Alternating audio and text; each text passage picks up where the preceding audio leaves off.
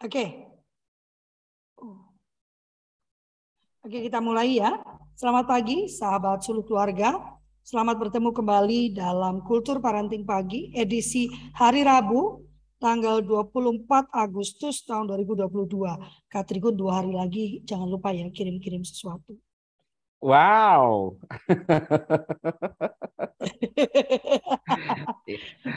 kode, kode keras. Kode keras itu ya, kode keras. Kalau uh, apa iPhone-nya uh, perlu sudah waktunya diganti boleh loh dilemparnya ke sini. Oke, okay, pagi ini saya bahagia sekali karena sahabat saya, salah satu dari sahabat saya, salah satu pendiri dari Suluh Keluarga, bisa bergabung dengan kita pagi ini. Kak Trigun ini bagi yang baru mengenal beliau, kalau yang lainnya sebetulnya saya nggak perlu kenalkan ya, live-nya itu sangat terkenal, Kak Trigun ada di mana-mana, ada di TikTok, ada di Instagram ya. Uh, beliau termasuk yang menggunakan semua channel untuk bisa menjangkau orang tua karena memang uh, sangat penting ya. Uh, saya ada di TikTok juga bukan karena mau terkenal ya, mungkin saya belum joget Kak Trigun. Kak Trigun harus joget katanya. Saya belum joget ya, tapi saya rasa semua channel perlu digunakan untuk menjangkau orang tua ya dan anak-anak ya.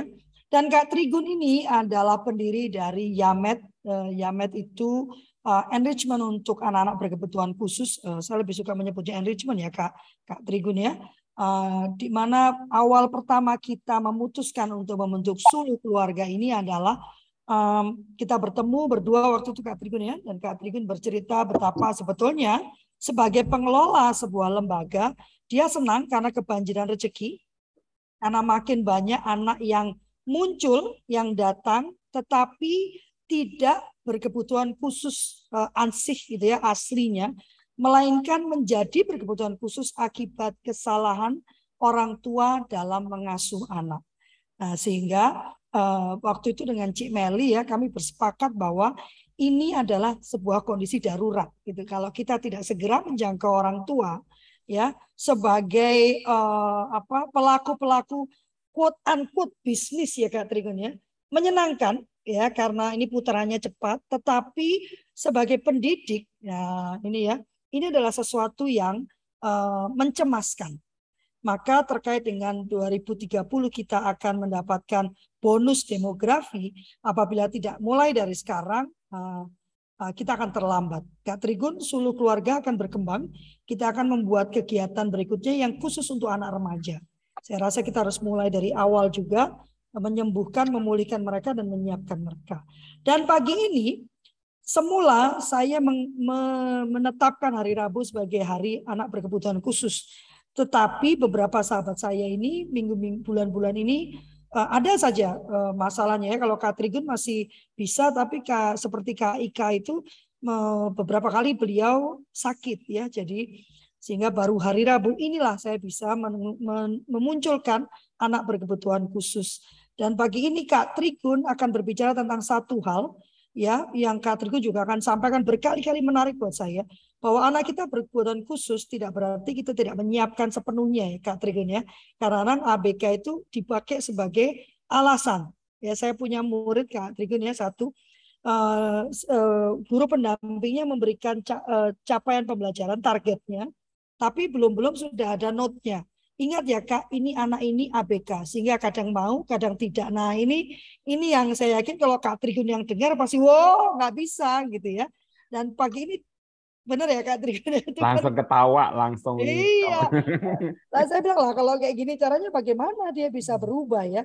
Dan pagi ini pas sekali Kak Trigun akan bicara bagaimana sih kita mengembangkan membangun karakter. Walaupun anak ini berkebutuhan khusus, bukan kata walaupun ya, karena ada uh, apa prinsip pertama dari uh, perlindungan anak adalah non diskriminatif ya. Jadi tidak boleh mendiskriminasi walaupun anak kita berkebutuhan khusus dengan alasan kasihan. Ya. Nah, pagi ini Kak Trigun akan membagikan bagaimana kita bisa membangun karakter pada anak berkebutuhan khusus atau anak istimewa kita. Silakan Kak Trigun. Oke, selamat pagi. Uh, Assalamualaikum warahmatullahi wabarakatuh. Uh, pagi ini kita akan membicarakan tentang bagaimana uh, membentuk karakter pada anak berkebutuhan khusus. Nah, tadi sudah disinggung sama Kak Lovely ya bahwa uh, in, banyak kasus-kasus di luar sana itu justru terbalik, justru uh, kalau namanya anak berkebutuhan khusus itu sudah di, di note dulu nih gitu.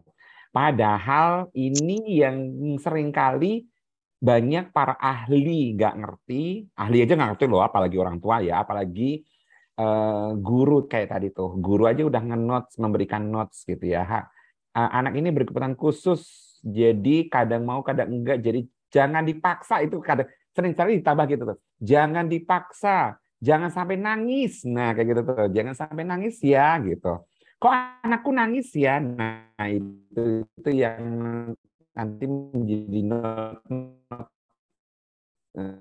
uh, perlu justru yang pertama dibenahin karakternya dulu. Karena untuk memberikan terapi pada anak berkebutuhan khusus juga gampang.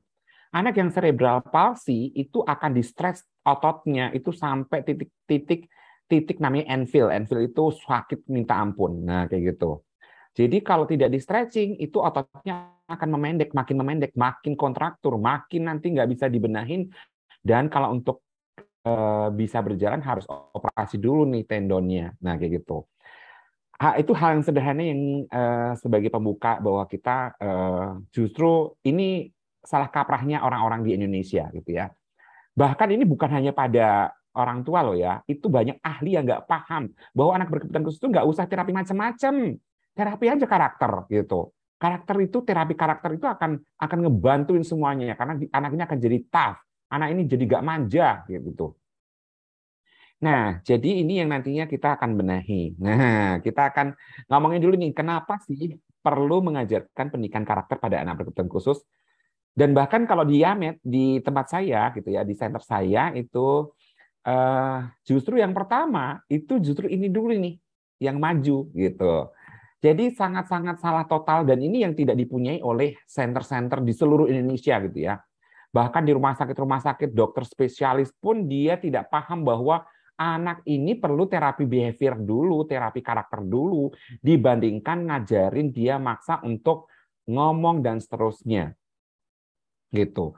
Jadi sering kali uh, salah dan bahkan ini yang menjadi kesalahan di Kementerian Kesehatan uh, seorang terapis perilaku itu tidak dimasukkan ke dalam uh, tim medis gitu ya, tim medis. Jadi akhirnya uh, rumah sakit rumah sakit itu tidak punya yang namanya terapis perilaku. Jadi kalau datang ke RSUD, RSUP, bahkan RSCM sekalipun, RSUPN sekalipun, itu anak-anak anak-anak yang autis, anak-anak yang hiperaktif, anak-anak yang speech delay, itu jebret terapi bicara langsung gimana nggak kejang-kejang tuh anak suruh suruh ngomong sedangkan anaknya masih tantrum, masih banting barang, masih gigit orang, masih eh, kalau lepas dari ibunya aja masih eh, tantrumnya hebatnya luar biasa. Dan tantrumnya hebat anak anak berkebutuhan tuh.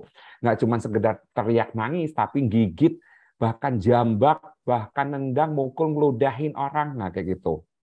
Nah jadi ketidakpahaman ini yang menyebabkan akhirnya tata laksana lah, tata laksananya anak berkebutuhan khusus di Indonesia kacau balau. Dan itulah yang menyebabkan sering kali menjadi eh, anak berkebutuhan khusus itu terapi ke rumah sakit. Sebulan, dua bulan, setahun, dua tahun waktu berlalu begitu saja. Sampai ke Yaman itu udah expired tuh, usia emasnya udah lewat. Kami juga nggak bisa bantu apa-apa kalau sudah usia emasnya sudah lewat. Tapi itulah yang terjadi di samping kekacauan dari segi pemahaman tentang bagaimana memberikan terapi pada anak berkebutuhan khusus, SDM yang tidak siap, serta uh, manajemen mungkin ya, karena terapi di rumah sakit itu cuma 15 menit, 20 menit.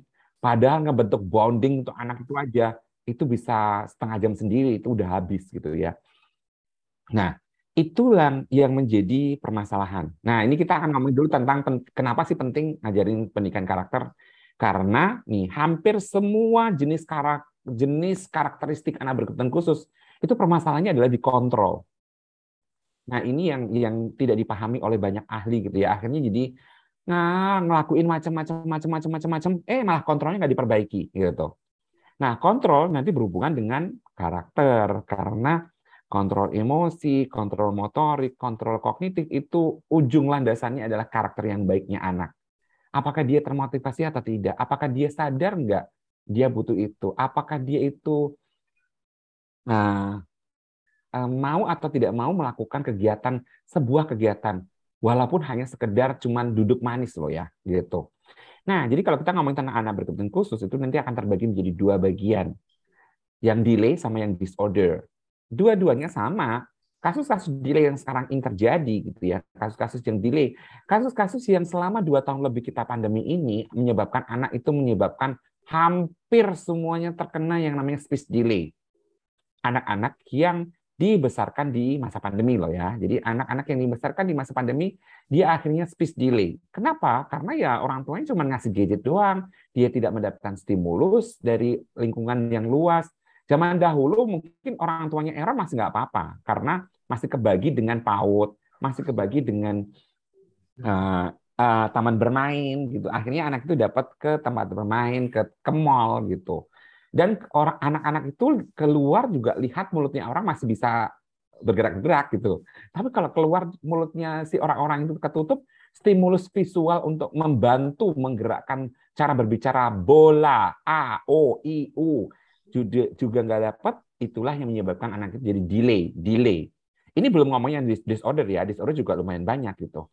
Anak yang kejang, anak yang eh, lahir prematur, anak yang mempunyai masalah eh, ternyata waktu hamil ibunya kena eh, tokso, nah kayak gitu. Jadi itu delay dan disorder itu dua-duanya sama. Permasalahan dasarnya adalah karena adanya gangguan kontrol di otak. Nah, ini ini uh, saya uh, tampilkan gitu ya gambaran otak itu kayak gini nih. Di mana ini yang bermasalah dan ini yang sering tidak dibenahi gitu. Jadi ini yang sering kali tidak dibenahi. Jadi uh, permasalahan mendasar ini pada kasus delayed disorder itu memang kontrol. Baik itu anak itu akhirnya tidak mampu mengontrol emosinya, anak yang tidak mampu mengontrol emosinya apa yang terjadi? Anaknya akan cenderung tantrum dan bahkan agresif tantrumnya. Karena tantrum itu dia dia pelajari dari lingkungan. Oh, dengan cara jambak, dengan cara jambak saya di, dikasih nih sama ya, nenek nih. Dengan cara bahkan seminggu kemarin saya dapat anak sudah sampai ngeludahin.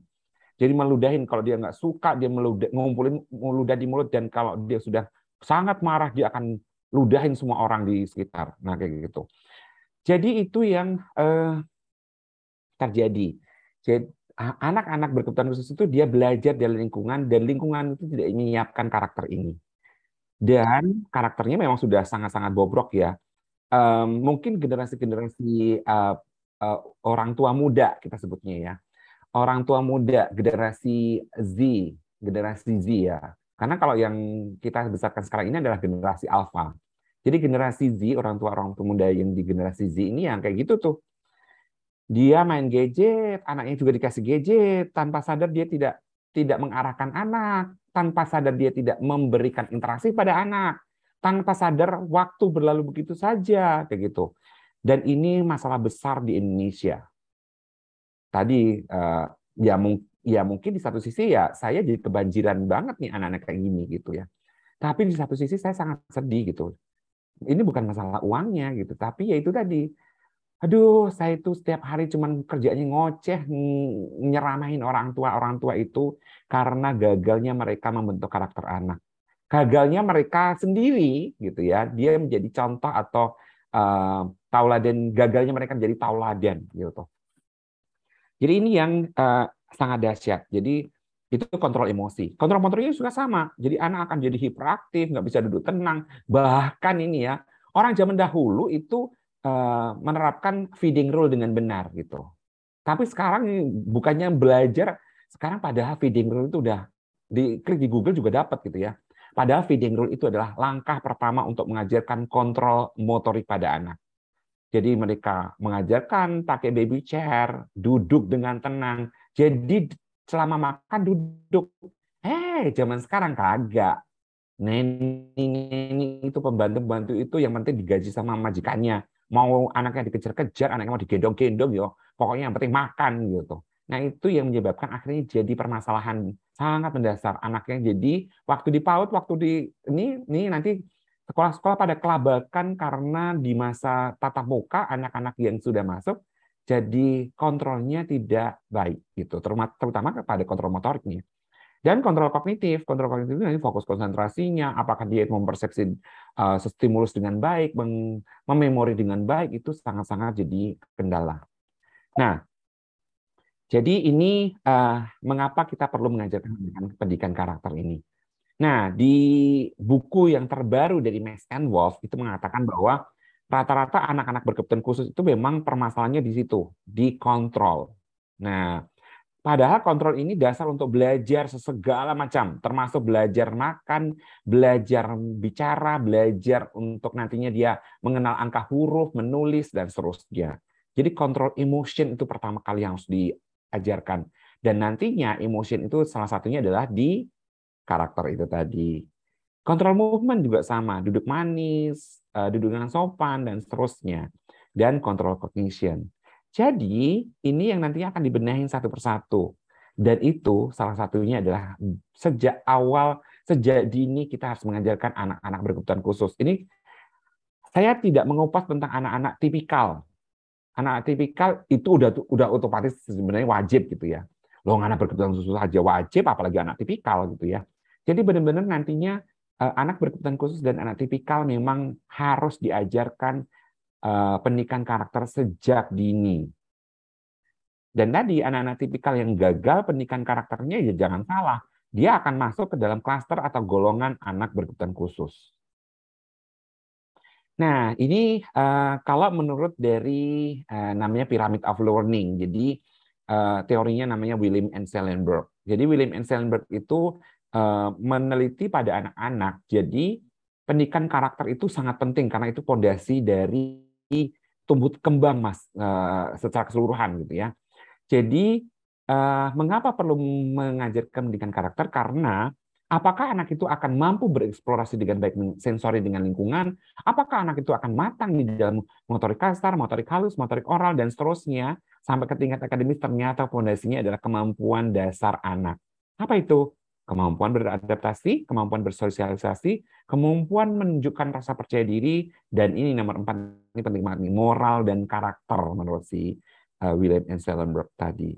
Jadi sangat penting loh moral and character ini jadi karakter yang tidak baik pada anak itu akan jadi pondasi, akan jadi dasar, akan jadi dasar ini anak akan jadi ABK nih gitu. Jadi sangat kelihatan nantinya ini anak akan jadi ABK atau enggak ya lihat aja nanti pengasuhan orang tua. Nah, dan sekarang ini banyak banget ABK yang diakibatkan karena lingkungan, bukan ABK yang karena disorder tadi.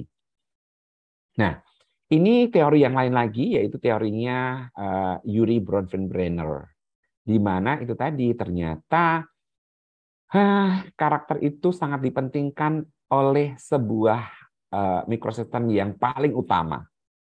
Mikrosistem yang paling utama siapa? Keluarga. Keluarga ini yang harusnya tidak boleh memberikan racun atau namanya risk factor. Yang harusnya dipertinggi adalah protecting factor. Nah, sedangkan di kondisi-kondisi yang saat sekarang ini, kondisi pandemi, eh kebalik. Ternyata um, keluarga justru malah jadi perusak pertama untuk karakter. Nah, jadi itu tadi ketidakseimbangan mikrosistem itu menjadi faktor pertama rusaknya karakter anak dan kurangnya lemahnya protein factor dan bahkan malah meningkatnya uh, namanya risk factor dan itu tanggung jawab keluarga. Nah makanya uh, Kenapa penting setiap hari saya itu bikin konten di TikTok, eh, setiap hari bikin konten di Instagram, itu nyasarnya sebenarnya adalah keluarga gitu. Karena kenapa? Karena itu tadi tanpa sadar keluarga-keluarga ini tidak nyadar bahwa pendidikan karakter itu tidak turunan. Ingat nih, eh, karakter itu bukan uh, bukan mutlak dari uh, nature. Bahkan di dalam penelitiannya banyak bah, bahkan 70 persennya karena nurture, nurture, kan, nurtur. Nurtur itu dari pola pengasuhan dan seterusnya. Nah, jadi ini yang akhirnya menjadi penyebab anak itu menjadi bermasalah diakibatkan karena nutur yang tidak baik. Nah, mengapa perlu pendidikan karakter pada anak berkebutuhan khusus? Karena tadi hal tersebut di atas menyebabkan anak berkebutuhan khusus terlihat, nih terlihat ya, jadi nakal, tidak sopan, agresif, tidak kooperatif, liar, tidak terarah, semau sendiri dan seterusnya. Sedangkan kalau kayak gini mau diterapi, bicara, mau diterapi apa pun ya kagak agak kagak ada gunanya gitu. Ini yang sering kali tidak dipahami oleh para ahli di Indonesia. Itu yang menyebabkan jadi saya tuh kelimpahan-kelimpahan terus nih. Jadi kalau udah expired, udah usianya lima tahun, enam tahun, ya baru dibawa ke Yamet gitu ya. Kaminya yang kelabakan. Karena kenapa? Karena selama ini terapinya juga ngawur, terapinya nggak tepat sasaran. Tidak punya namanya skala prioritas. Nah, jadi skala prioritas itu justru nomor satu karakter ini sangat penting buat anak berkebutuhan khusus. Nah, pembentukan karakter adalah pemberi, memberikan pembelajaran yang dan pembinaan kepada anak berkebutuhan khusus mengenai nilai dan prinsip hidup seperti respect, kejujuran, kemandirian, integritas, kepercayaan, penghormatan, kesabaran, kepercayaan diri, dan seterusnya. Dan uh, pembentukan karakter ini sangat penting karena kenapa? Karena karakter itu tidak diwariskan. Karakter yang diturun orang tua dan bahkan lebih karena nurtur, lebih karena tadi pola pengasuhan. Dan karakter harus diajarkan, harus dibangun dan harus dikembangkan secara sadar nih. Secara sadar perlu Jadi secara sadar. Jadi nggak bisa kalau misalnya anak itu tidak diberikan pendidikan karakter ini secara sadar. Dan karakter mulia dan berkualitas tidak bisa ditumbuhkan hanya sekali atau dua kali pengajaran, melainkan tumbuh dan berkembang melalui pembiasaan sehari-hari. Dan tadi perlunya role model, perlunya eh, contoh, perlunya tauladan yang terus-menerus. Jika kepribadian adalah sesuatu yang pakem dan bawaan lahir, karakteristik itu dan diubah kapan pun selama seseorang itu memiliki tekad yang kuat untuk merubahnya. Nah, jadi membicarakan karakter itu tidak terlepas dengan istilah kepribadian sebab karakter dan kepribadian sering kali digunakan secara bergantian. Dan di beberapa teori itu nih menurut Alport ya, karakter is personality evaluated and personality is character developed. Jadi uh, Alport ini uh, beranggapan bahwa watak atau karakter dan kepribadian atau personality adalah satu dan sama, akan tetapi dipandang dari segi yang berlainan. Kalau orang ber, uh, bermaksud hendak mengena, mengenakan norma-norma dari, jadi mengadakan penilaian, mengadakan penilaian pasti, gitu ya. Maka lebih tepat dipergunakan watak dan kalau orang tidak memberikan penilaian, jadi menggambarkan apa adanya, maka dipakai istilah kepribadian. Nah, ini beberapa pemahaman tentang karakter juga dari beberapa ahli ya.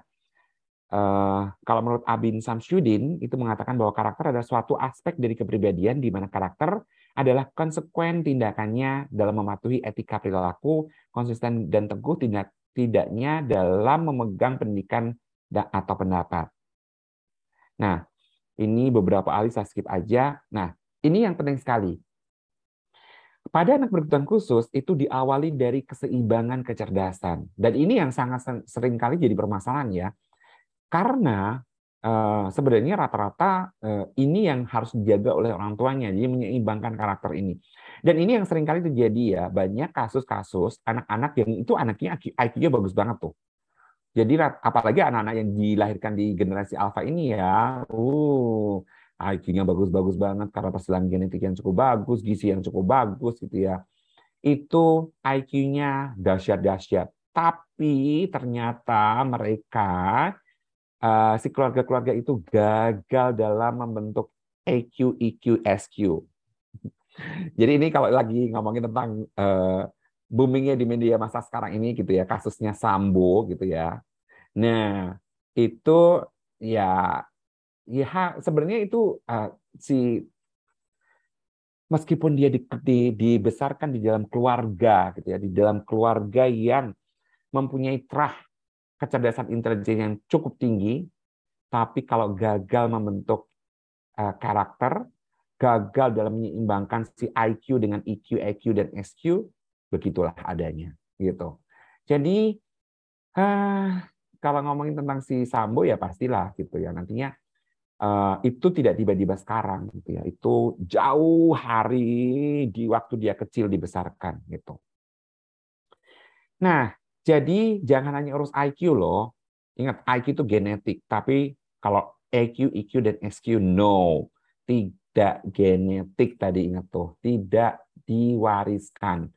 Jadi jangan hanya urus IQ, EQ, SQ, EQ, karakter itu juga sangat penting.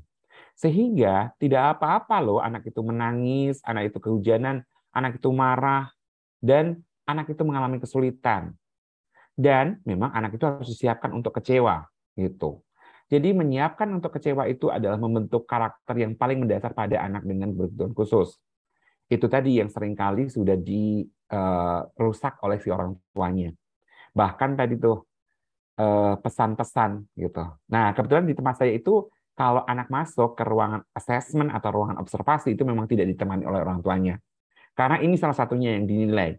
Apakah anak itu tough, apakah anak itu tangguh, apakah anak itu eh, kecerdasan emosinya bagus, apakah anak itu mempunyai kecerdasan eh, adversity yang baik, kecerdasan emosi yang baik saat dia ditinggal oleh orang yang dekat. Karena ini yang sangat penting apakah ada kecemasan, eh, kita sebutnya ini ada anxiety separation disorder. Apakah ada kecemasan, apakah dia dimanja, apakah dia itu eh, ketergantungan, nah itu sangat penting sekali tuh. Nah, jadi ini yang nantinya akan kita kembangkan, kita akan eh, justru pertama kali anak berkebutuhan khusus itu diberesin dulu ini dulu nih, keseimbangan ini. Nah, jadi keseimbangan ini yang menjadi modal dasar kalau di adalah kita nggak ngurusin macam-macam dulu. Kita ngurusin dulu ini dulu nih, karena ini penting untuk ke depannya, untuk dia itu akan dapat terapi apa akan mudah dimasukkan. Mau ngajarin kosakata, gampang. Mau ngajarin uh, dia nulis, gampang. Mau diajarin untuk dia fokus, duduk lama, gampang, kayak gitu. Ini dulu yang dipentingkan. Itu yang tidak dipunyai konsep ini oleh tempat-tempat terapi di Indonesia ini ya ada beberapa tapi ya nggak nggak semateng kalau diamet gitu. Karena kalau kalau kami diamet kita bikin dulu ini. Jadi komitmen dengan orang tua untuk beresin ini dulu. Karena orang tua harus disadarkan bahwa ini yang lebih penting dibandingkan yang itu. Orang tua mah datangnya eh, maunya adalah anak saya itu hilang tantrumnya. Anak saya itu mau makan apa saja.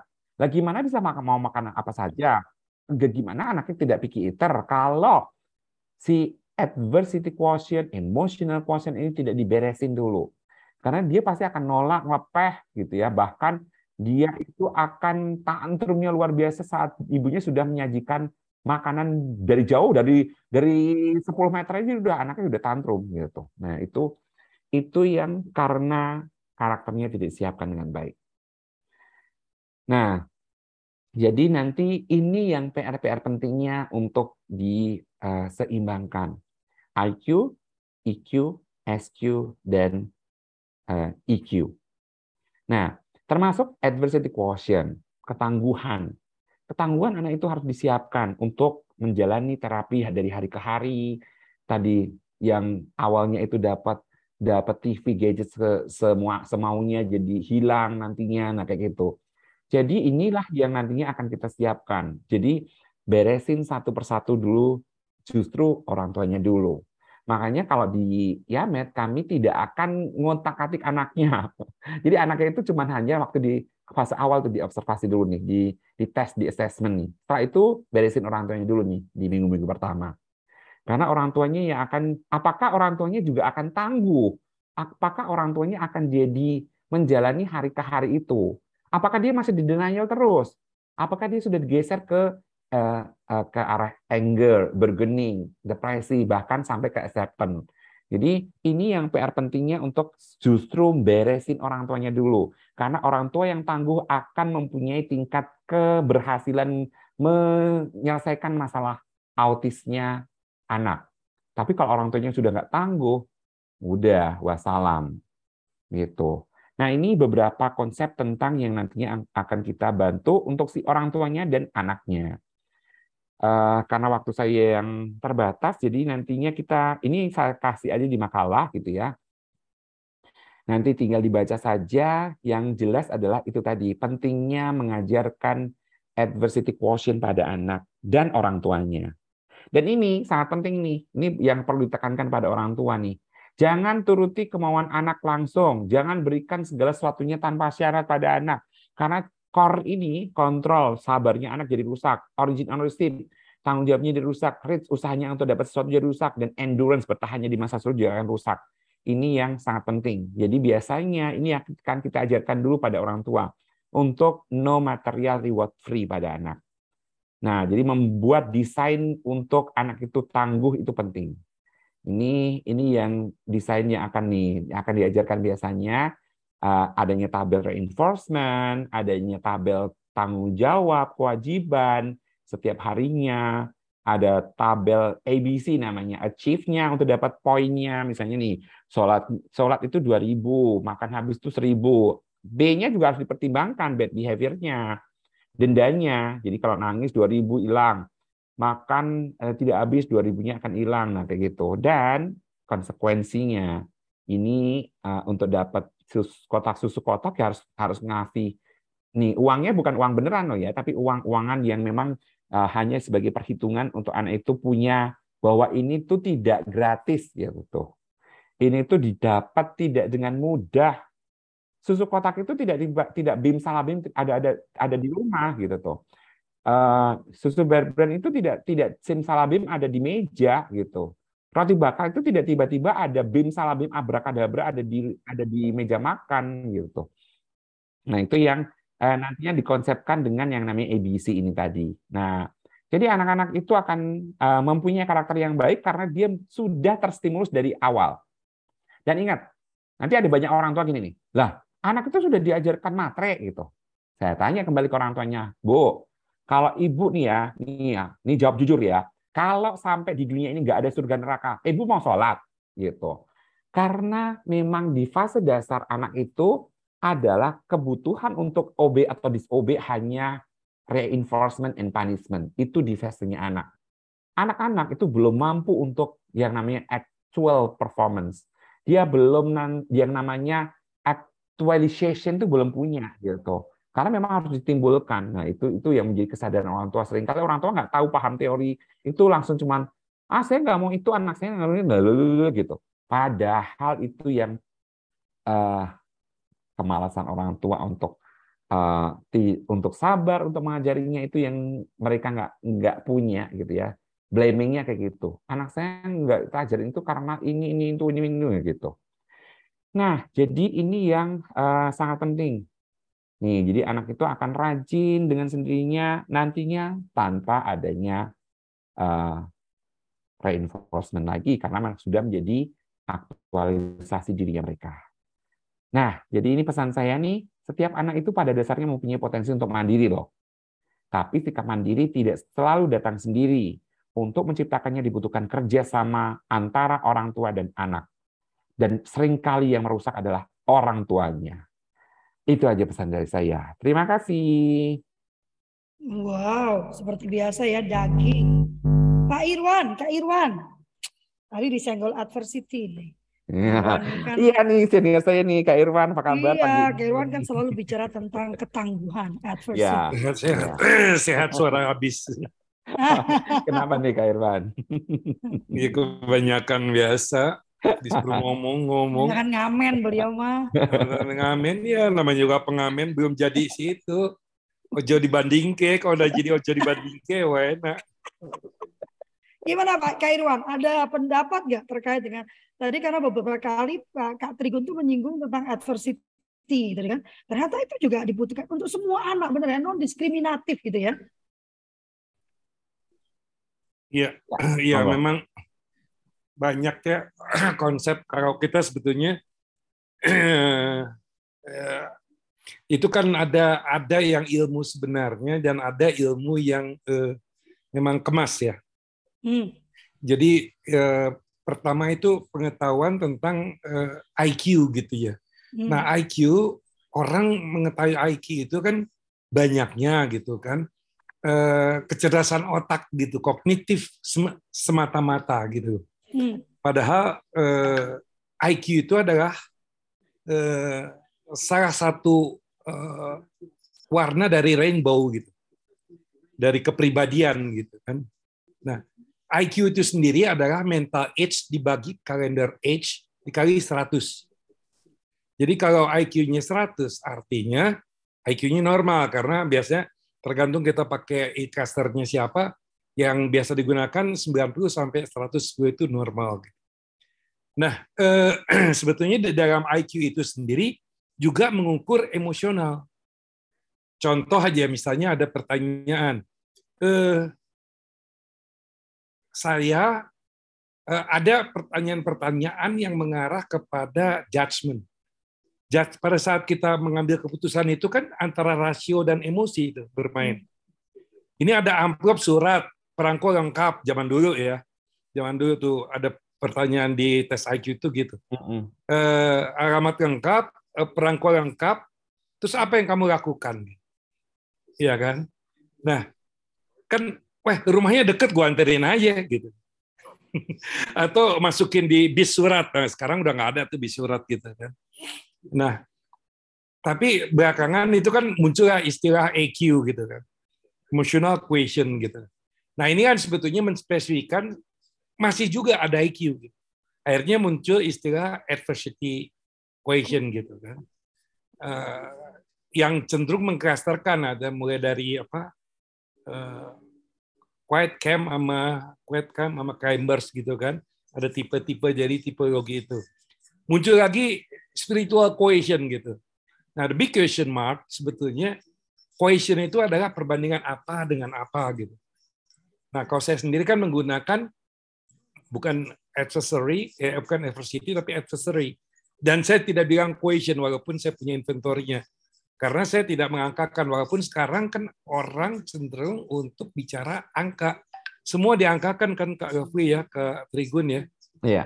Eh, sakit aja sakit level berapa pedes pedesnya level berapa sedih sedihnya level berapa gitu nah tapi apa yang disampaikan tadi memang uh, membantu ya membantu.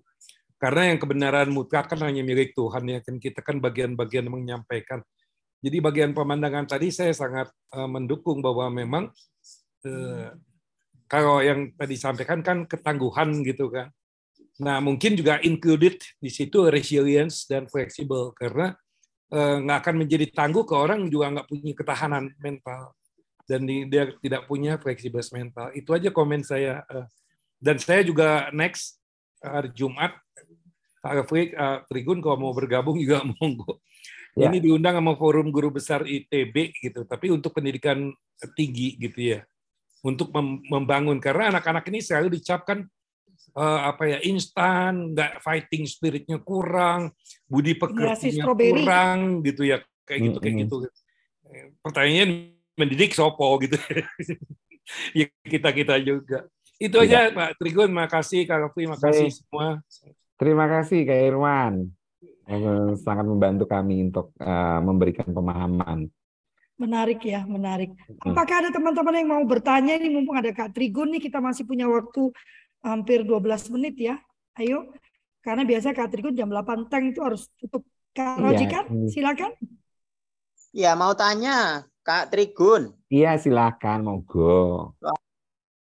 Bisa ditangkap dengan jelas ini, Kak? Jelas. Alhamdulillah. Sehat nggih Kak Trigun nggih? Alhamdulillah sehat. Gini Kak Trigun, langsung ya. saja eh saya itu di rumah di Grobogan ada lembaga pendidikan kecil lah di rumah saya ngelola PAUD. Mm -hmm. Nah, eh, kami itu selama kurang lebih tiga tahun terakhir itu memiliki aturan kepada wali murid bahwa semua wali murid kami tidak boleh ditungguin orang tua. Itu kami terapkan sejak awal tahun. Jadi eh, murid baru masuk hari pertama itu tidak boleh ditungguin.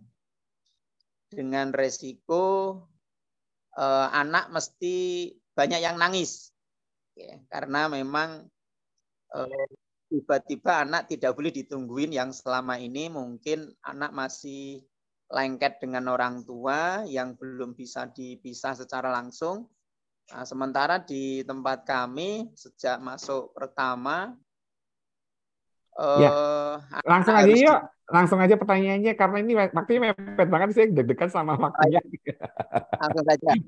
Jadi uh, kami menerapkan proses pembentukan sikap kemandirian secara frontal mm -hmm. di PAUD. Apakah ini benar atau tidak dari pendidikan karakter?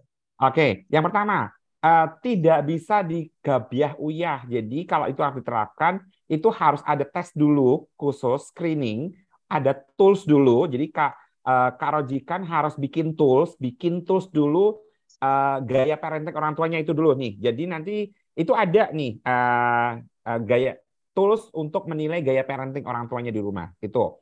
Jadi ada 50 hmm. orang tua, 50 orang tua itu harus dites dulu gaya parentingnya kayak gimana. Itu yang pertama.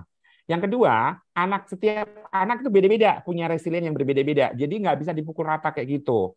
Jadi ada anak yang nantinya butuh yang namanya transition.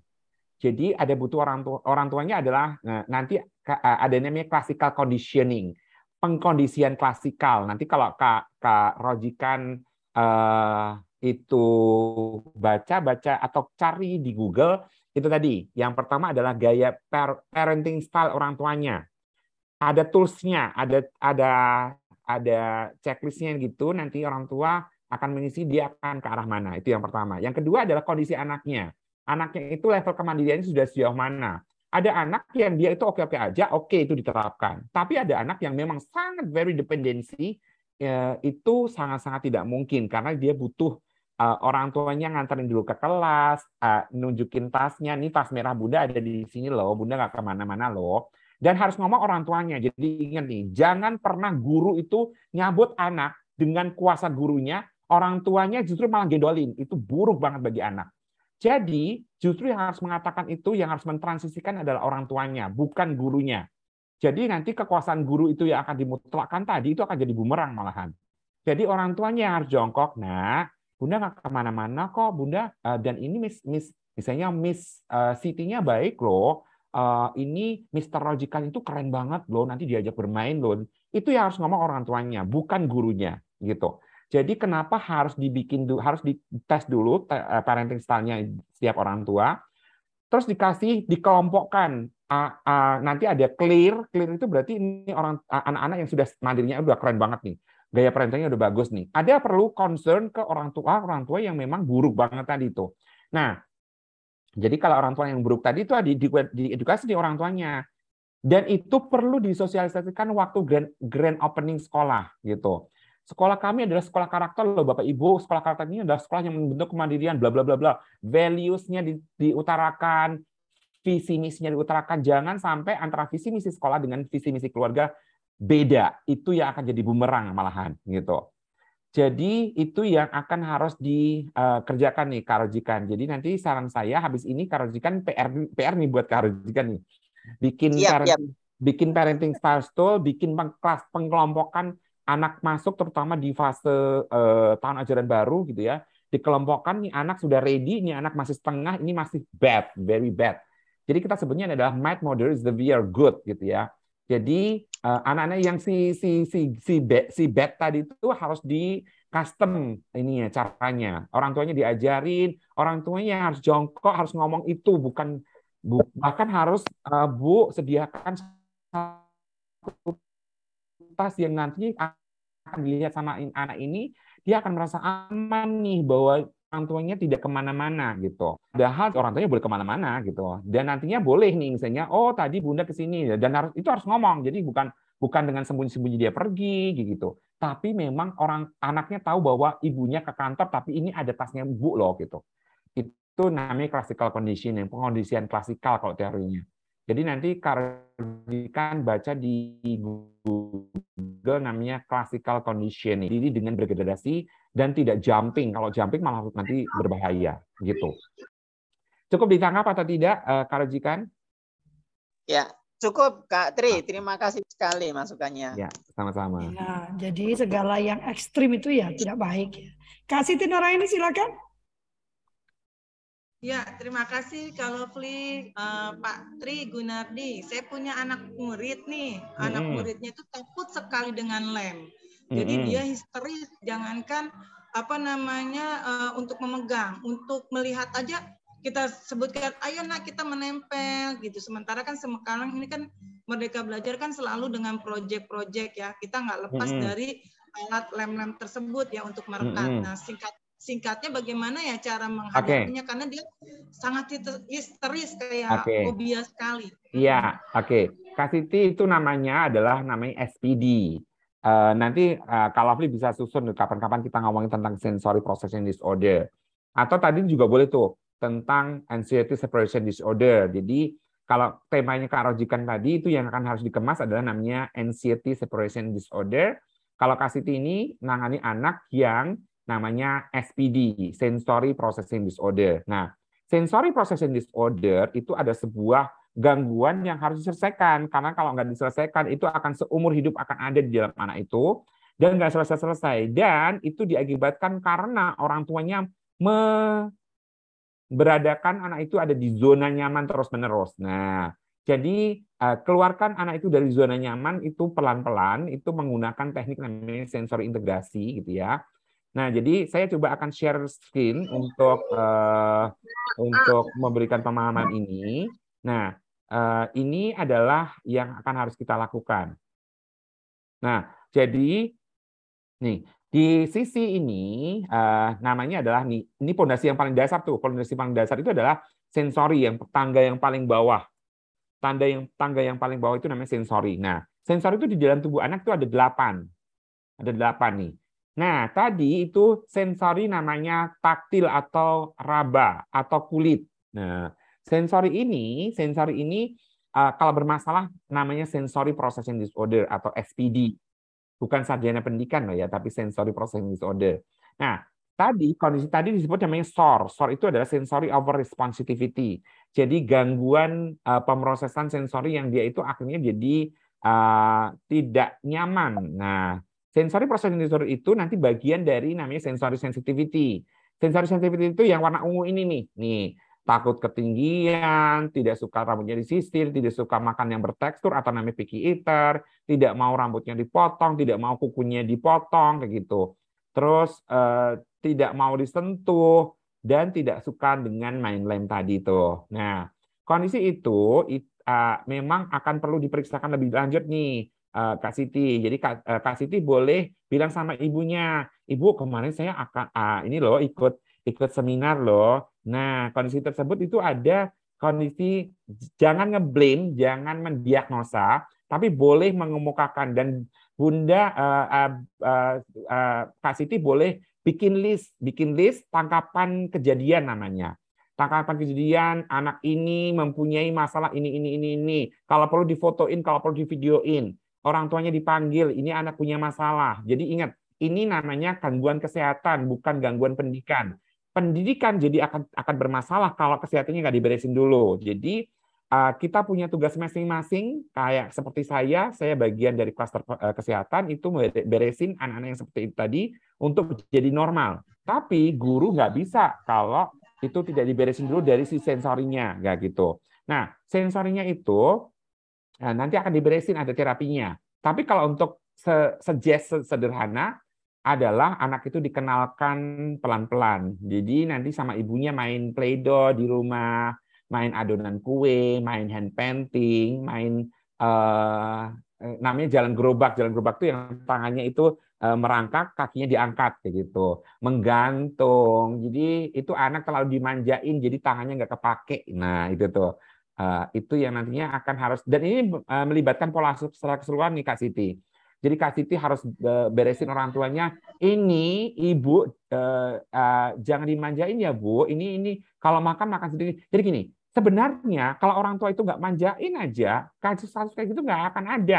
Karena anak itu akan megang makanan pasti otomatis. Megang makanan makan pakai tangannya lah. Kalau tangannya disuap, kalau makan disuapin terus, yuk kapan pakai tangannya dipakai gitu tuh. Nah itu yang nantinya akan jadi bermasalah diakibatkan karena dimanjain tadi.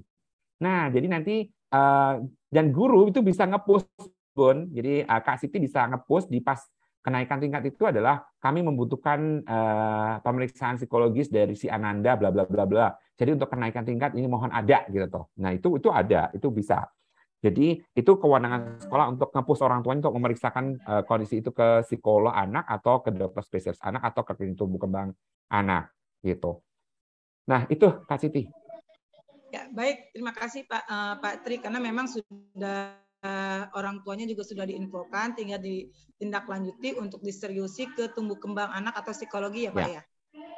Psikologi anak ya. Terima kasih Pak. Sama-sama Kak Siti. Ini ada pertanyaan dari Kak Diana. Kak, saya menemukan ortu yang punya tolak ukur cara pegang HP dan memainkan HP sebagai kemampuan perkembangan anak. Ini aneh banget, sedangkan kami tidak membolehkan anak pegang HP pada usia anak. ya, itu orang tua yang keblinger yang mesti di mesti diberesin itu. Lo banyak loh Kak Trigun. Loh, tau nggak anakku itu loh, baru 8 bulan, baru duduk loh. Udah bisa buka YouTube loh. Gila nih anak cerdas banget loh. Kakak tahu di balik itu, di balik di balik pegang YouTube-nya itu akan ada masalah besar. Aduh, dia betul. gitu. Oke, kalau ini udah jam 8 saya mesti caw. Oh, udah jam 8 ya. Jadi memang yeah. uh, uh, komentar kakak tuh ya pertanyaan Diana sekalian menutup kak. Oke. Okay. Gimana nih? Ya, intinya gini deh. Intinya adalah uh, ini ya menemukan ortu yang punya tolak uh, tolak ukur cara pegang handphone dan memainkan handphone. Jadi intinya gini nih, yang namanya motor halus itu bukan nge-slide nge-slide. Yang namanya motor halus itu tolak ukurnya adalah megang pensil. Jadi kalau misalnya ini, misalnya contoh nih, nih uh, ini uh, iPad dia nge-slide nge-slide sepinter apa pun itu bukan tolak ukur motorik halus. Jadi harus tahu dulu nih. Jadi kasih tahu ke orang tuanya, Bu, motorik halus itu tolak ukurnya adalah menggenggam terus namanya pins. Nah, Terus koordinasinya, bukan nge-slide. Nah, itu yang nantinya tolong diedukasi. Jadi jadi cuma nge-slide nge-slide gitu toh.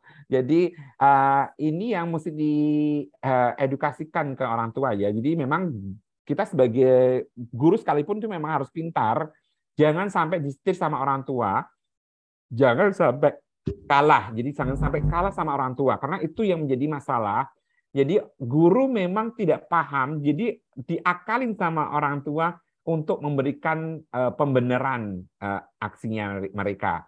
Oh saya itu mengasih uh, ini, eh gamenya yang dimainkan tuh ini loh melatih motor melatih matanya loh karena dia jadi matanya ini lah mata kan bisa dilatih untuk kontak mata untuk fungsional bukan untuk nonton YouTube dan seterusnya ini ini yang nanti mesti di uh, ya, guru harus punya makanya ikut-ikut nih kayak gini nih ya.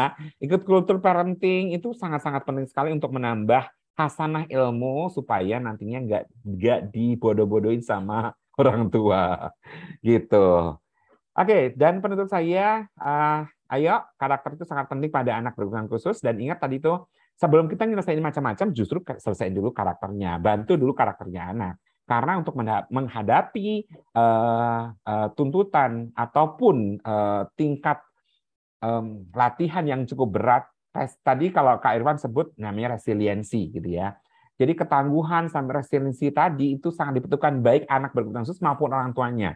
Jadi uh, ayo bantu mereka dan uh, sangat penting karakter ini ditanamkan sejak dini. Dan mesti dicatat tadi karakter bukan genetik, tapi memang harus dibentuk. Jadi bentukan dan bentukannya harus benar dan butuh namanya role model yang terus menerus. Jadi itu ber, terus menerus tidak bisa berhenti, tidak bisa cuman hanya satu kali dua kali pemberian. Oke, itu aja kalau V. Nah, luar biasa ya. Jadi eh, Bapak Ibu, saya jadi kepikir ya mungkin nanti di seluruh keluarga ID ya akan ada infografis infografis tentang milestone pertumbuhan anak ya Kak Trigunia supaya hmm. orang makin tahu bahwa ini loh yang harus diharapkan. Saya punya satu buku sebenarnya. Nanti saya coba buat jadi infografis deh. Buku itu yang saya pakai dulu Kak Trigun mulai dari hmm. anak dua bulan uh, apa yang harus saya what to expect gitu kan, secara hmm. emosi, secara fisik gitu kan, lalu empat bulan, lalu terus naik sehingga kalau e, tiga bulan nggak nampak, dia juga ada stimulan apa yang harus saya berikan supaya itu muncul karena ada kan milestone-nya sudah ada ya. Hmm. E, jadi dulu saya pakai itu ber itu aja lolos kan anak saya ternyata ADHD ya kan. Jadi ya, ya mamanya ADHD. Ya itu saya pakai terus loh saya ADHD gara-gara Kak. Oke, terima kasih banyak. Uh, saya sepakat kita akan bicara tentang OCD, tapi saya rasa Kak Trigun untuk hal-hal yang spesifik seperti itu lebih baik kita membuat pelatihan khusus Kak Trigun. Hmm, Karena okay. nanti kalau cuma knowledge-nya saja itu kurang kurang ya Trigun. Kalau hmm. kita udah tahu knowledge tentang OCD anak kita lalu how to uh, handle that itu itu saya rasa paling penting ya, lebih penting ya. hmm. ya. Jadi mungkin um, saya minta waktu lah Kak Trigun sediakan kami waktu paling nggak dua hari ya uh, dalam satu bulan dan kita akan adakan uh, pelatihan berkala gitu ya. Setiap satu bulan ada pelatihan dari Kak Trigun khusus untuk uh, tahapan ini ya supaya tidak menjadi ABK yang uh, berakibat kesalahan orang tua. Hmm. Ya Kak hmm. Trigun ya, nanti ya, langsung betul. seperti biasa jadi tolong di screenshot uh, jadwalmu nanti kita akan akan apa akan akan uh, apa jadwalkan Benar Kak, kalau bicara behavior terapi saya ampun-ampunan. Kayaknya enggak ya karena memang kan anaknya meningkat terus uh, apa kognitifnya nambah ya Kak Trigun ya. Iya, betul. Ya, jadi ya ya memang itu tidak akan selesai uh, sudah nurut kognitifnya nambah, dia melihat orang lain, dia melihat hal lain, dia berubah lagi ya memang ini anak ABK, tapi menurut saya anak reguler pun sama gitu. Kita akan behavior itu akan terus uh, apa harus dilakukan secara kontinu nggak bisa sekali selesai gitu ya Kak Trigun ya. Hmm. karena permasalahan mereka hadapi juga bertambah. Terima kasih banyak udah jam 8 lebih 7 kita berfoto Kak Deli. Uh, sambil saya menutup ya uh, saya mau mengucapkan terima kasih atas kehadiran teman-teman tadi tebus 28 luar biasa. Uh, dan uh, seperti biasa saya ingin ingatkan bahwa ini bisa diikuti lewat YouTube di Kultur Parenting atau di Spotify Suluh Keluarga atau Kultur Parenting. Uh, dan juga Anda bisa mendukung kami dan menjadi anggota dengan 150 ribu per tahun. Anda mendapatkan 12 kali 12 pertemuan dan 8 kali pertemuan setiap bulan Anda mendapatkan sertifikat. Juga diskon 20% untuk pelatihan-pelatihan yang kami lakukan. Yang terbaru kemarin kami baru menyelesaikan pelatihan coaching untuk keluarga dan guru. Ke depan akan banyak uh, pelatihan tiap bulannya. Terima kasih banyak. Kami memohon maaf yang sebesar-besarnya apabila ada pernyataan, perkataan, sikap, gestur yang kurang berkenan. Kami tidak ingin menghina, tidak ingin merendahkan, tidak ingin memojokkan, tidak ingin menghakimi, juga tidak ingin menggurui. Kami hanya ingin menyampaikan apa yang menjadi keyakinan kami dan yang kami kerjakan dalam kehidupan kami sehari-hari. Terima kasih banyak. Wassalamualaikum warahmatullahi wabarakatuh. Tuhan memberkati. Sampai bertemu hari Jumat. Saya pamit ya. Lovely, Kak Trigun, Tuhan berkati. Thank you Kak Deli. Terima kasih Pak